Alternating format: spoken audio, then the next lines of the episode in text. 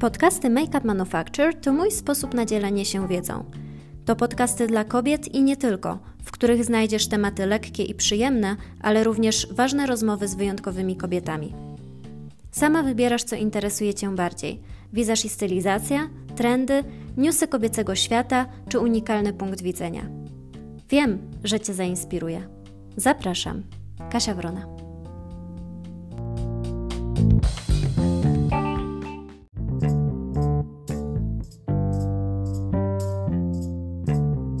W podcastach rozmawiamy nie tylko na te takie zwykłe, pozornie błahe i babskie sprawy związane z modą czy kosmetykami, ale dotykamy również tematów związanych z nauką czy funkcjonowaniem organizmu. I myślę, że dziedziną, e, dziedzinę, jaką jest psychologia, można wpisać w oba te nurty. E, I moim dzisiejszym gościem jest psycholog Jagoda Różycka, która na co dzień prowadzi swój gabinet w Bielsku Białej.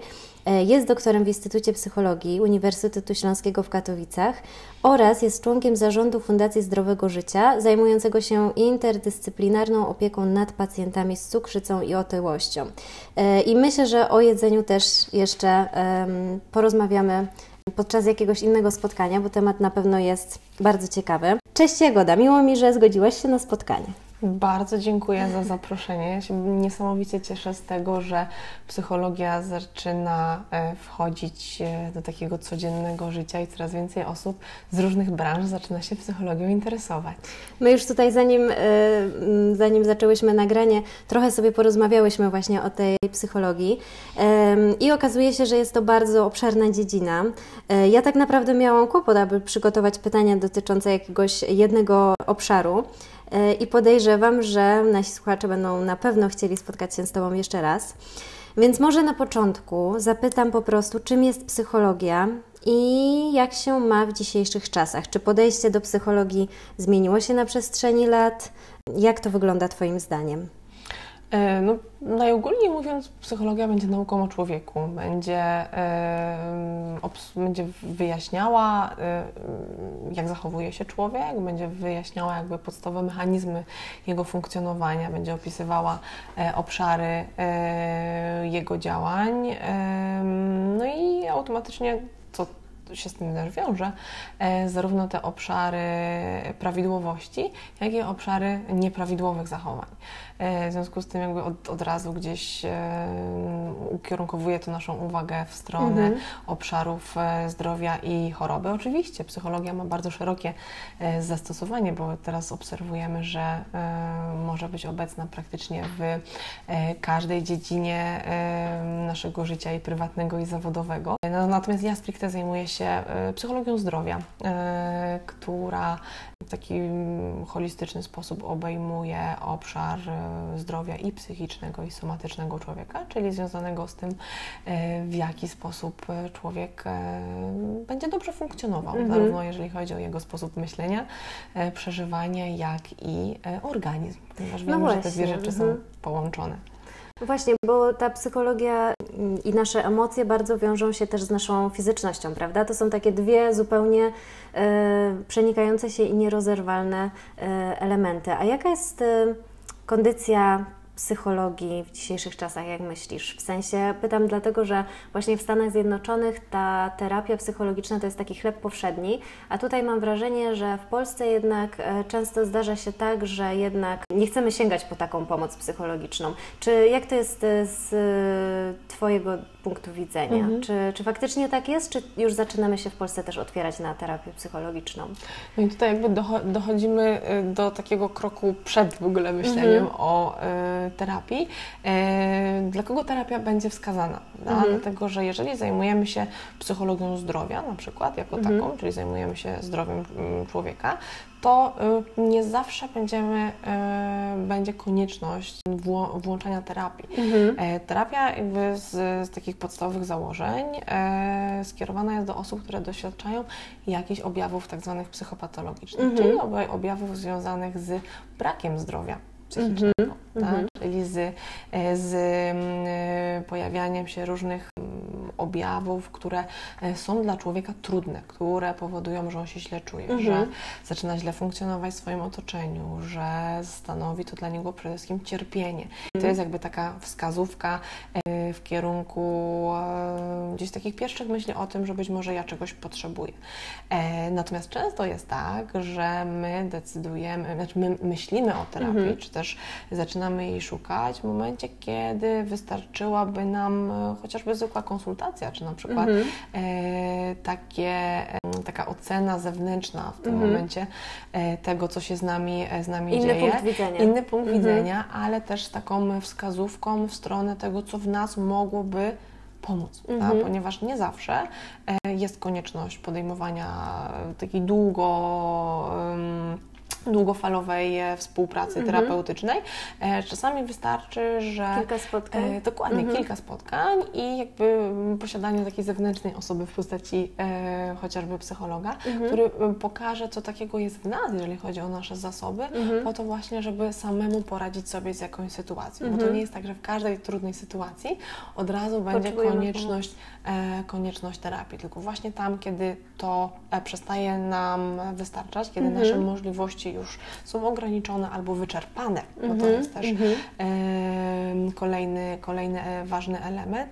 Wtedy jakby potrzebujemy e, faktycznie mhm. terapeuty, który nas przeprowadzi przez cały proces powrotu do e, pełni zdrowia psychicznego. I to, co powiedziałaś, jest dla mnie bardzo, bardzo ważne i bardzo ciekawe zarazem, bo um, zastanawiam się, czy jest jakiś taki moment, w którym musimy się zdecydować na terapię. W sensie mamy jakiś problem, próbujemy się z czymś uporać, i jak y, nie przeoczyć tego momentu, że kurczę, nie radzę sobie, potrzebuję pomocy, muszę się gdzieś zgłosić i muszę iść y, na terapię, bo już nie daję rady sam, sam, sam, sama poradzić sobie z problemem. Czy są jakieś sygnały, które mówią nam, tak, to jest ten moment, idź do psychologa, mhm. idź na terapię?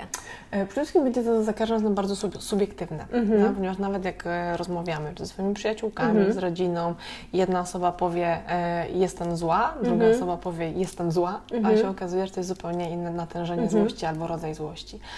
W związku z tym wydaje mi się, że pierwszą taką najważniejszą rzeczą to jest taki poziom subiektywnego cierpienia, czyli na ile ja doświadczam cierpienia takiego wewnętrznego i na ile ono jest dla mnie dysfunkcjonalne mhm. e, czyli na ile ono e, utrudnia moje codzienne funkcjonowanie. Bo mhm. na przykład, jeżeli e, jestem w stanie, cierpię we, mhm. we, wewnętrznie, ktoś powiedział mi coś przykrego, u mnie pojawiły się jakieś negatywne emocje, cierpię wewnętrznie, e, ale na przykład wiem, że pomaga mi spacer w lesie, że zadzwonię do przyjaciółki, będzie mi lepiej, znaczy, że jestem w stanie poradzić sobie z tym cierpieniem, szukam sposobów, ale w momencie, kiedy przewleka się to cierpienie, kiedy moje wszystkie sposoby wyczerpały się Zawodzą. Już. Zawodzą. Mhm. Kiedy y, nie, nie jestem w stanie znaleźć alternatywnych sposobów i to przede wszystkim trwa, no? czyli trwa mhm. Y, przez większą część dnia, przez większą część tygodni na przykład e, i w żaden sposób nie zmienia się na lepsze,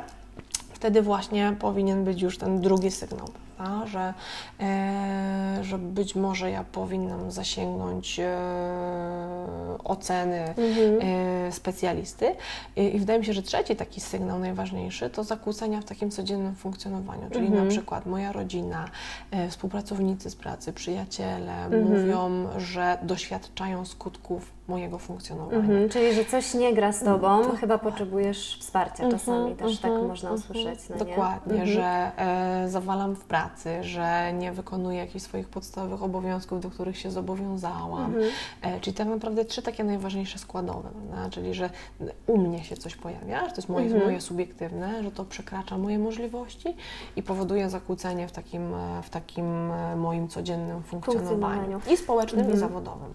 A czy to powinno, taki, takie kłopoty, o których powiedziałaś teraz, czy one po, powinny trwać przez jakiś dłuższy okres czasu. Na zasadzie, jeżeli mam taki jakiś kłopot, z którym nie mogę sobie poradzić przez tydzień, myślę o tym i tam kiepsko funkcjonuje, ale po tygodniu w miarę to gdzieś tam przechodzi, to czy e, coś takiego wciąż wymaga przepracowania i terapii? Czy to zazwyczaj jest tak, e, że jeżeli z czymś sobie nie radzimy przez dłuższy okres czasu, typu na przykład miesiąc, e, to już jest dopiero wtedy ten sygnał, że, że trzeba iść na terapię. Jak to jest? Wszystko tak naprawdę za, zależy też, jaki rodzaj e, objawów się pojawi, mhm. bo na przykład jeżeli pomyślimy sobie o zaburzeniach depresyjnych, tam no jakby z, zgodnie z klasyfikacją chorób, mhm. która e, wskazuje nam poszczególne kryteria rozpoznawania danych zaburzeń, jest okres na przykład dwóch tygodni. Mhm.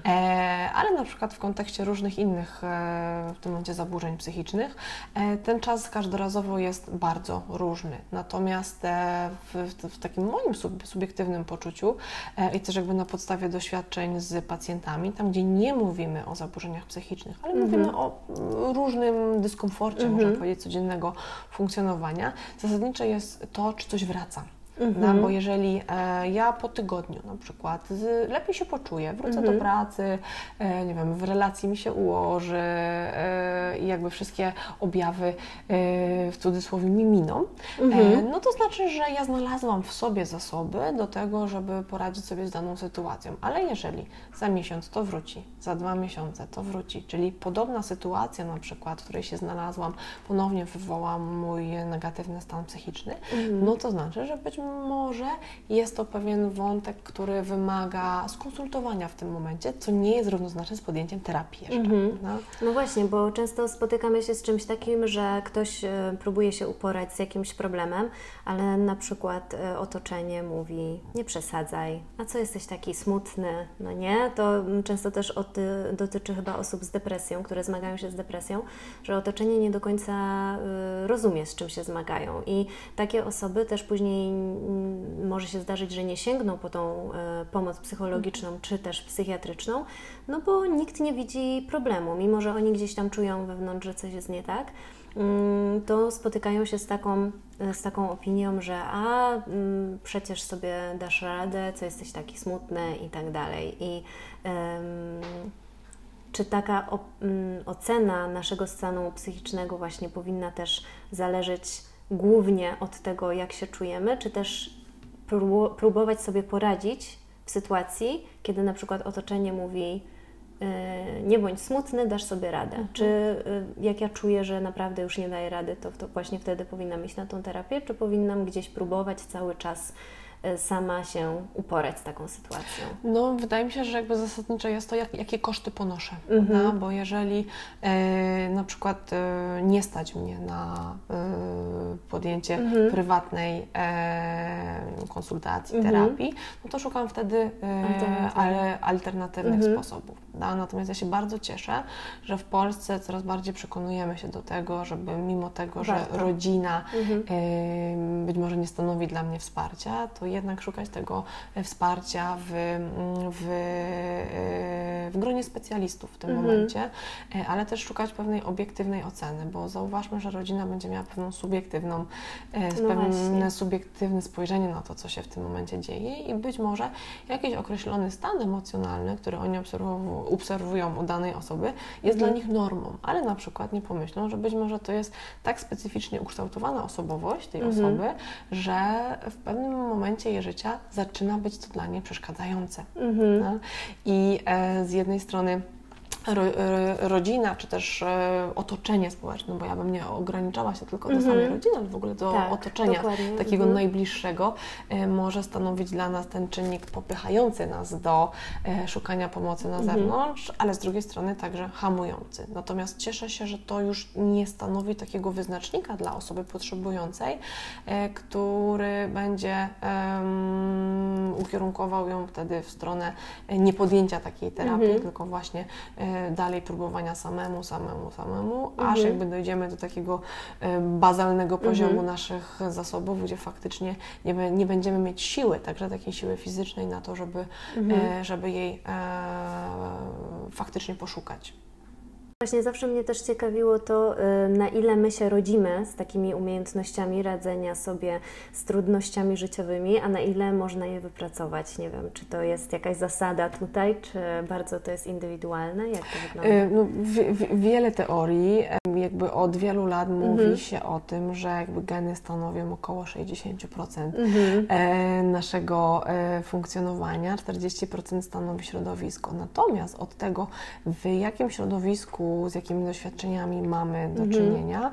W taki sposób te geny się um, uzewnętrznią, można powiedzieć, w postaci naszych określonych cech czy też zachowań.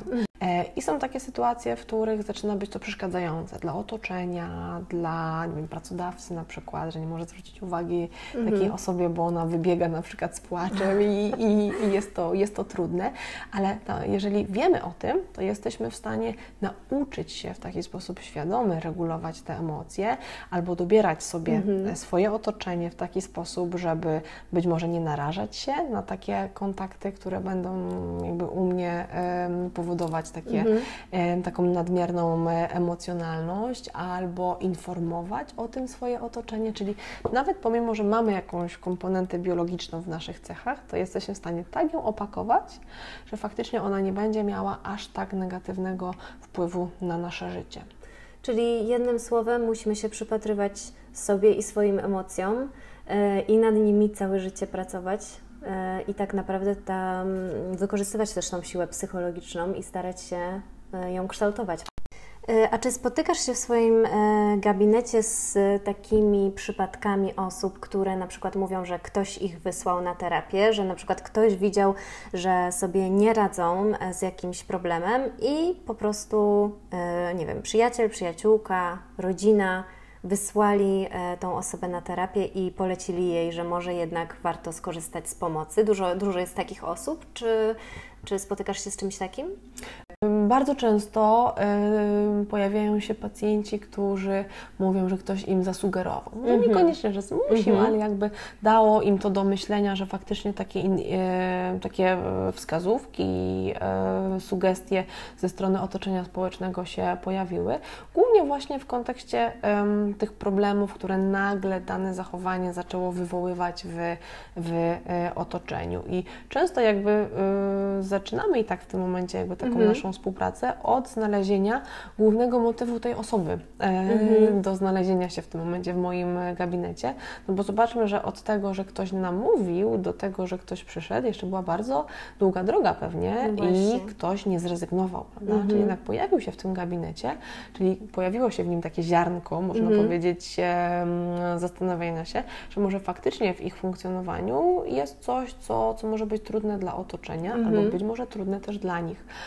E, tylko nie do końca przywiązywali do tego taką, e, taką wagę. Natomiast e, na pewno nie da się współpracować z osobą, która zupełnie nie widzi problemu w swoim zachowaniu, czyli no nie ma motywacji, mhm. nie ma motywacji, nie zauważa, że jakiś objaw, jakieś jego zachowanie, jakiś jego sposób funkcjonowania może być dla niego ryzykowny albo dla jego mm, mhm. otoczenia. A czy uważasz, że um z takimi bardzo poważnymi sytuacjami, traumami życiowymi, jeśli można to tak nazwać, można się uporać samemu? Czy są sytuacje w życiu, w których zawsze, zawsze bez, bez względu na to, jaką mamy konstrukcję psychiczną, ta pomoc będzie, że tak powiem, potrzebna i bardzo wartościowa? Na przykład, nie wiem, śmierć kogoś bardzo bliskiego, takie już naprawdę poważne sprawy, prawda? Albo nie wiem, mm, samobójstwo kogoś bliskiego, albo dla kobiet właśnie, nie wiem, strata dziecka, jakieś poważne traumy. Czy są, czy, czy są takie sytuacje w życiu, które naprawdę zawsze wymagają wsparcia psychologicznego?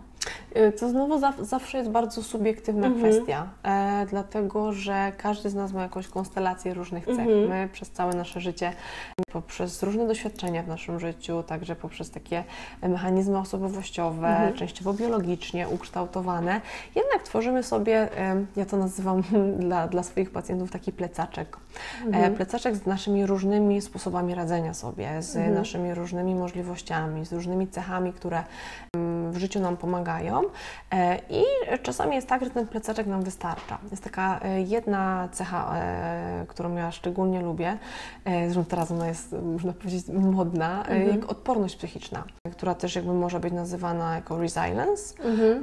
która jakby pokazuje, że my mamy w sobie takie mm, mechanizmy, mechanizmy mhm. do tego, żeby radzić sobie czasami z bardzo ekstremalnymi mhm. zdarzeniami, tylko i wyłącznie za pomocą tego, co my mamy w sobie. Mhm. jakby e, odporność psychiczną także można ćwiczyć, można e, wspomagać, można budować, bo tak naprawdę my e, mamy możliwość budowania ją przez całe życie. Każdorazowo mhm. doświadczając jakichś trudnych zdarzeń, mhm. my przygotowujemy się na przyszłe na.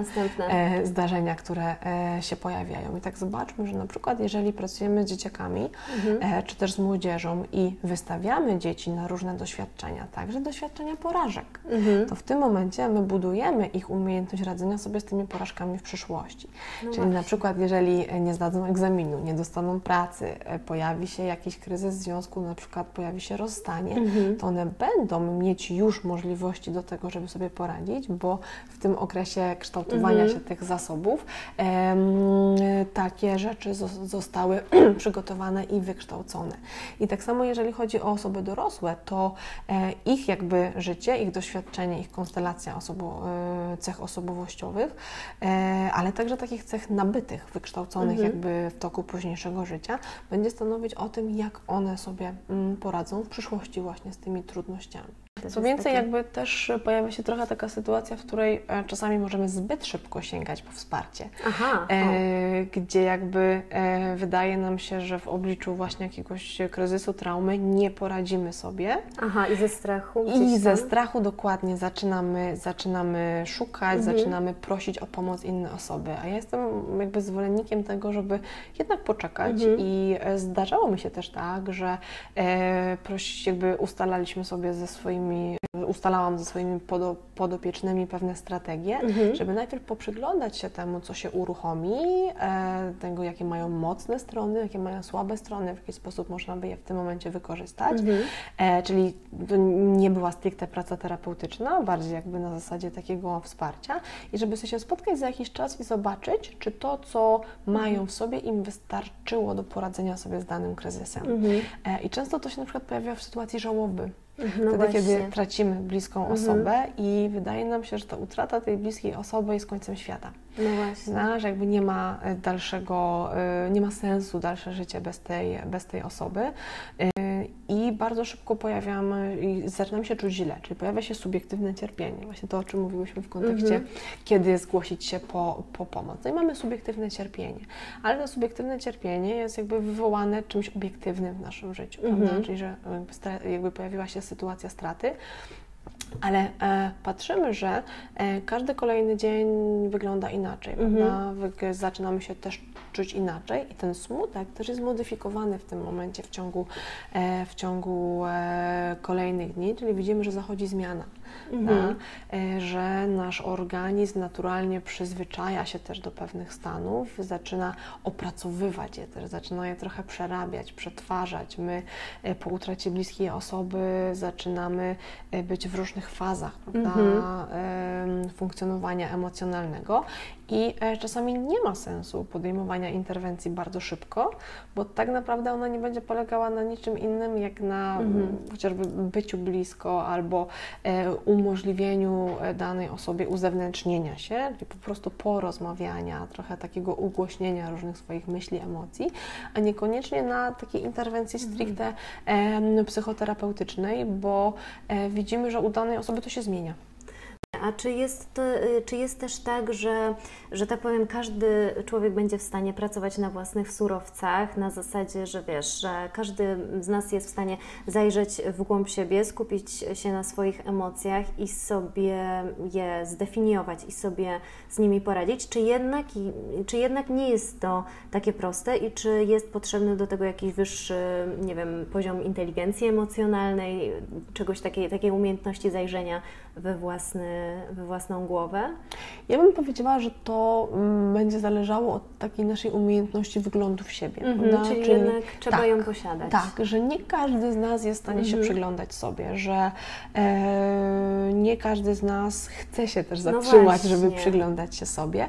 Natomiast e, do tego no, potrzebujemy takiej samoświadomości -hmm. i e, czasami jakby ta osoba na zewnątrz, ten specjalista właśnie ponazywa nam te rzeczy i dzięki temu, że on nam ponazywa, że zobacz, To jest Twoje poczucie skuteczności, to jest Twoje poczucie kontroli. Tu mhm. na przykład e, Ty to nazywasz e, lenistwem, a to być może nie jest lenistwo, tylko to jest odpoczynek, mhm. prawda? I nagle przeformułujemy różne zachowania i dopiero osoba jakby zyskuje wgląd w to, więc e, uważam, że nie możemy wymagać od każdego posiadania po pierwsze takiego samego plecaczka no różnymi zasobami, ale też takiej umiejętności, tej samoświadomości, bo nie każdy będzie miał możliwość takiego wglądu emocjonalnego, czyli we własne emocje, ale także wglądu poznawczego, czyli wglądu we własne myśli. Mhm. Ja też wywodzę się z nurtu poznawczo-behawioralnego, który bardzo mocno podkreśla e, istotność e, tego, co myślimy, w związku z tym, e, jak funkcjonujemy emocjonalnie i jak się zachowujemy. Ale mhm. jakby w swojej pracy doświadczam tego, że nie każdy mój podopieczny potrafi się przyglądać tym myślom i czasami zajmuje nam naprawdę kilka grubych miesięcy na to, żeby nauczyć się zatrzymywać na tym, co w danej chwili myślę. Okej, okay, czyli y, można się tego nauczyć. Tak. Nawet jeśli nie mamy takiej umiejętności, żeby zajrzeć właśnie w te swoje y, możliwości emocjonalno-psychologiczne, to można y, też zasięgnąć rady u terapeuty, jak to zrobić. Czyli na przykład, słuchaj, przychodzę, mam taki, taki problem, ale chciałbym się nauczyć wykorzystywać swoje własne możliwości, mhm. więc takiej pomocy oczekuję, prawda? Mhm. Okej, okay, a w takim razie na czym polega dobra terapia? I i skąd wiedzieć, że terapeuta jest dobrym terapeutą? Mhm. Jak to jest? No, przede wszystkim jakby wracamy też do tego, o czym myśmy między innymi zaczęły, że mhm. nie każdy będzie potrzebował terapii, że terapia będzie ukierunkowana na radzenie sobie z konkretnymi objawami. Mhm. E, no i jakby cały plan terapii też będzie polegał na e, znalezieniu takiego sposobu pracy, żeby e, to normalne, w cudzysłowie, czyli dobre dla tej osoby, subiektywne funkcjonowanie wróciło, żeby ona mhm. zaczęła się lepiej czuć albo w taki akceptowalny dla siebie, e, dla siebie sposób. W związku z tym e, dobra terapia przede wszystkim powinna mieć cel ukierunkowany właśnie na redukcję tych objawów, ale także powinna być prowadzona przez psychoterapeutę, który jest uprawniony do tego, żeby no taką właśnie. terapię prowadzić. Mhm jak um, zgłaszamy się na terapię albo zgłaszamy się właśnie do psychologa, to stawiamy sobie zapewnik, że ta osoba jest faktycznie wykształcona w tym kierunku i że trafiamy do osoby rzetelnej. E, a nawet jeśli mamy jakieś wątpliwości, to czasami chyba jest nam po prostu właśnie tak, jak powiedziałaś, prawda? Wstyd się zapytać, tak? mhm. Wstyd jest powiedzieć, mm, przepraszam, ale niech mi Pani pokaże dyplom, prawda? Którym się Pani posługuje. Um, więc nie wiem, może byś też podpowiedziała troszkę, e, o co prócz takiej dokumentacji można zapytać, prócz dyplomów i jak, czy są jakieś elementy, po których można ocenić, że faktycznie to jest dobry psycholog, dobry terapeuta, żeby nie trafić po prostu na kogoś, kto jeszcze mm, zrobi nam z emocji e, coś gorszego niż jest. Mhm. E, no, oprócz tego, że jakby warto od samego początku się pytać, e, warto także poniekąd sprawdzić taką osobę. Są różnego rodzaju portale. Mhm, czyli opinie też w internecie gdzieś. Gdzie jakby my Albo z polecenia. Tak, gdzie jesteśmy w stanie się zorientować, kim ta osoba jest, co robi. E, co więcej, jakby jeżeli na przykład taka osoba jest certyfikowanym terapeutą, czyli jakby mhm. po skończonej szkole terapeutycznej e, ubiega się o certyfikat, jest wpisana na listę na przykład e, takich terapeutów, możemy zadzwonić do E, towarzystwa, które na przykład takie, taki certyfikat przyznało i faktycznie jakby mhm. dopytać, czy pod względem formalności jest tak, jak dana osoba deklaruje. Natomiast dla mnie też takim najważniejszym wskaźnikiem dobrego terapeuty jest to, na ile osiąga on swoje efekty, prawda? Czyli na ile... No właśnie, zadowoleni pacjenci. Dokładnie, na ile dany dany problem, z którym przychodzi pacjent, yy, się zmniejsza. No i na ile jakby potrafi on znaleźć też taki sposób kontaktu z, z osobą, yy, która będzie dla niego yy, pomocna. Okej, czyli ym, tak naprawdę, jeżeli nie wiem, po pierwszych dwóch, trzech spotkaniach nie widzimy postępu, to możemy sobie ym, pomyśleć, że może jednak warto zmienić terapeuta, prawda? Albo że może jednak coś jest nie tak z terapią, której korzystamy, w sensie metody, prawda?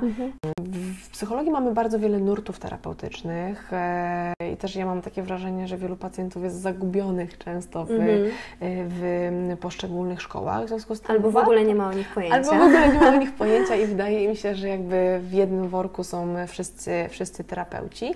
E, Natomiast warto sobie o poszczególnych nurtach e, także poczytać. Zanim się pójdzie na terapię. Dokładnie, Mhm. dokładnie. Czyli Czym- doktor Google. Dokładnie. Czym, czym e, dana terapia się zajmuje, albo jaka terapia jest wskazana czy sugerowana do danego zaburzenia, które na przykład, nie wiem, ktoś mi zasugerował, Mhm. albo ktoś. Nie wiem, psychiatra na przykład e, powiedział mi, że coś takiego się e, dzieje. Mhm. E, Która terapia jest krótkoterminowa, która jest długoterminowa, czy ja mam na przykład ograniczone za, Zasoby, zasoby w sensie finansowe. e, i Mhm. finansowe, i czasowe także Mhm. na to, żeby, e, żeby No sobie z, właśnie. Mhm. czymś, z czymś poradzić. E, Kolejna rzecz jest taka, że e, mamy w naszym kraju niestety dosyć nieuregulowany system Mhm. e, związany z e, różnymi uprawnieniami. No i nie każdy terapeuta jest psychologiem, więc warto to też brać e, pod uwagę.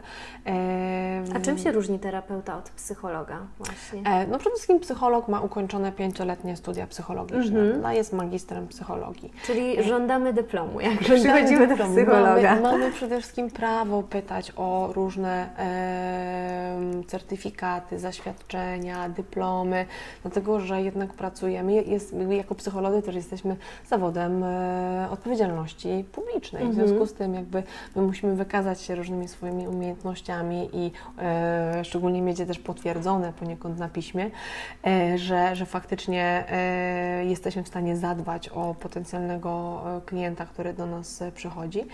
E, Więc psycholog będzie miał ukończone pięcioletnie studia magisterskie później może po takich studiach magisterskich zrobić e, czteroletnią szkołę psychoterapeutyczną. Natomiast e, do szkoły psychoterapeutycznej nie zawsze i nie w każdej szkole jest wymóg posiadania dyplomu psychologa. Może to Mhm. być dyplom nauk społecznych, może to być socjolog, O. może to być pedagog, może to być filozof, e, generalnie studia humanistyczne. Chociaż ja się też spotkałam z tym, że po naukach ścisłych na różnych takich szkoleniach e, także były, e, były osoby, co już nie do końca wydawało mi się być ok, jeżeli chodzi o em, uczenie się różnych umiejętności, bo tak naprawdę e, każdy z nas niestety jest w stanie otworzyć sobie gabinet i napisać, że jest terapeutą, dlatego że często pacjenci czy też potencjalnie zainteresowani boją się zapytać, e, jakie uprawnienia ma ta osoba do prowadzenia danego gabinetu.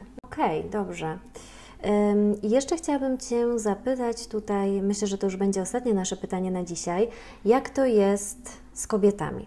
Czy na co nasza psychika jest wyjątkowo narażona? Bo mówi się, że kobiety z natury są mm, bardziej wytrzymałe psychicznie, bardziej zaangażowane, wiedzą czego chcą, y, są też być może bardziej odporne niż mężczyzny, mężczyźni, przepraszam, a z drugiej strony również wrażliwe i empatyczne.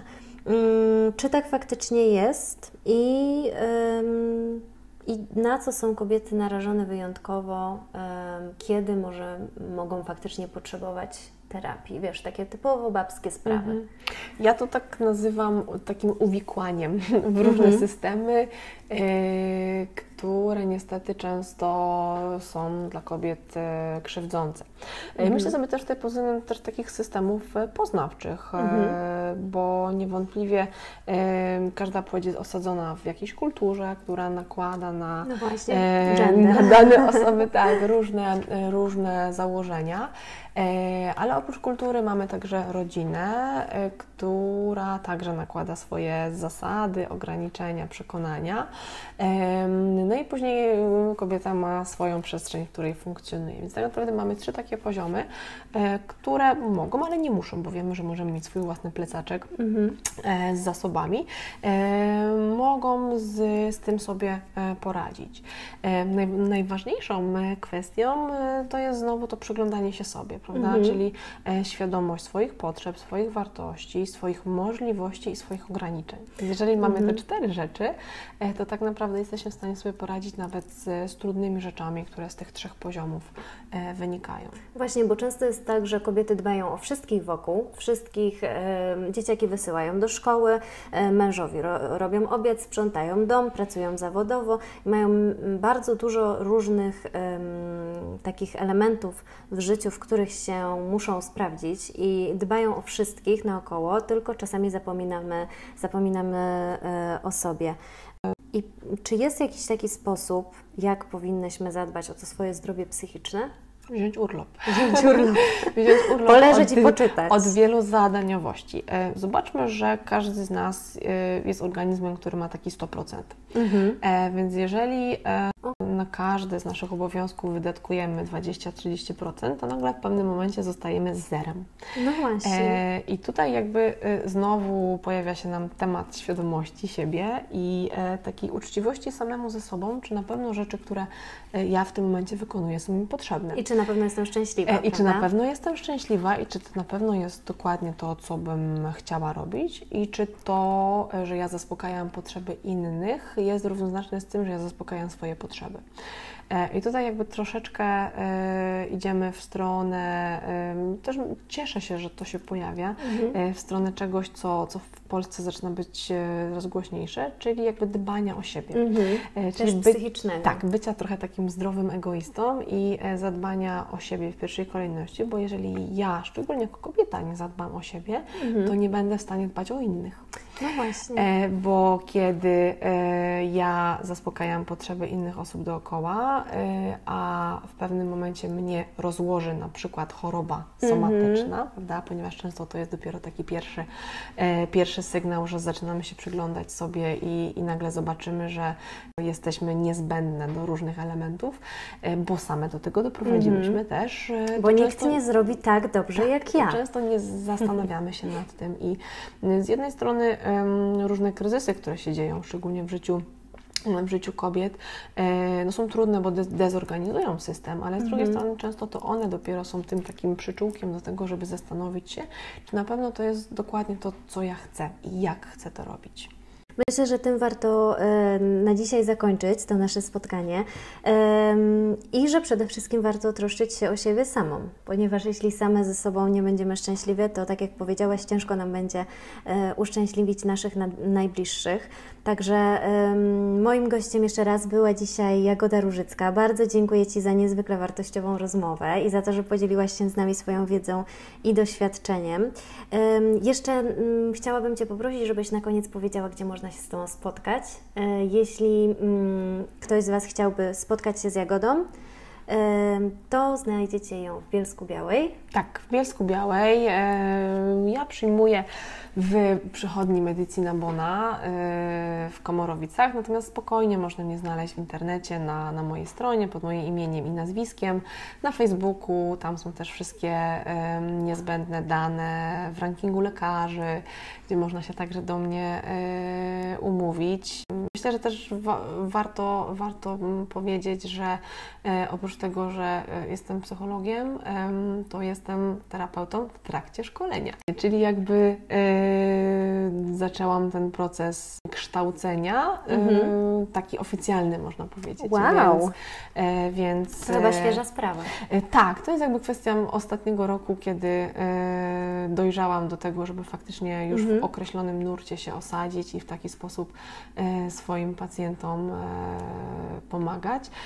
No i jakby głównie pod kierunkiem E, różnych problemów z żywieniem, dlatego że jestem także psychodietetykiem. No właśnie, myślę, że podczas drugiego spotkania też porozmawiamy właśnie troszkę więcej o żywieniu I y, jeszcze prowadzisz konsultacje on, online, prawda? Tak. Które teraz po koronawirusie są niewiarygodnie modne we wszystkich aspektach, Tak. więc można się też spotykać e, online, prawda? Taka Tak. terapia też jest możliwa jak najbardziej. Tak, co więcej, bo myślę, że to jest też ważne, żeby powiedzieć, że wiele badań naukowych pokazuje, że terapia online jest tak samo skuteczna jak terapia stacjonarna. Mhm. Czyli tak naprawdę e, to, że spotykamy się w sieci, że spotykamy się albo na Skype'ie, albo przez inne komunikatory, wcale nie powoduje, że ta terapia jest mniej skuteczna, mniej efektywna. Mhm. Więc myślę, że to e, wręcz nawet pomaga czasami terapii, bo jesteśmy w stanie spotkać się e, w każdym miejscu, w każdym momencie. No, Mhm. nie musimy się ograniczać tylko do określonych godzin.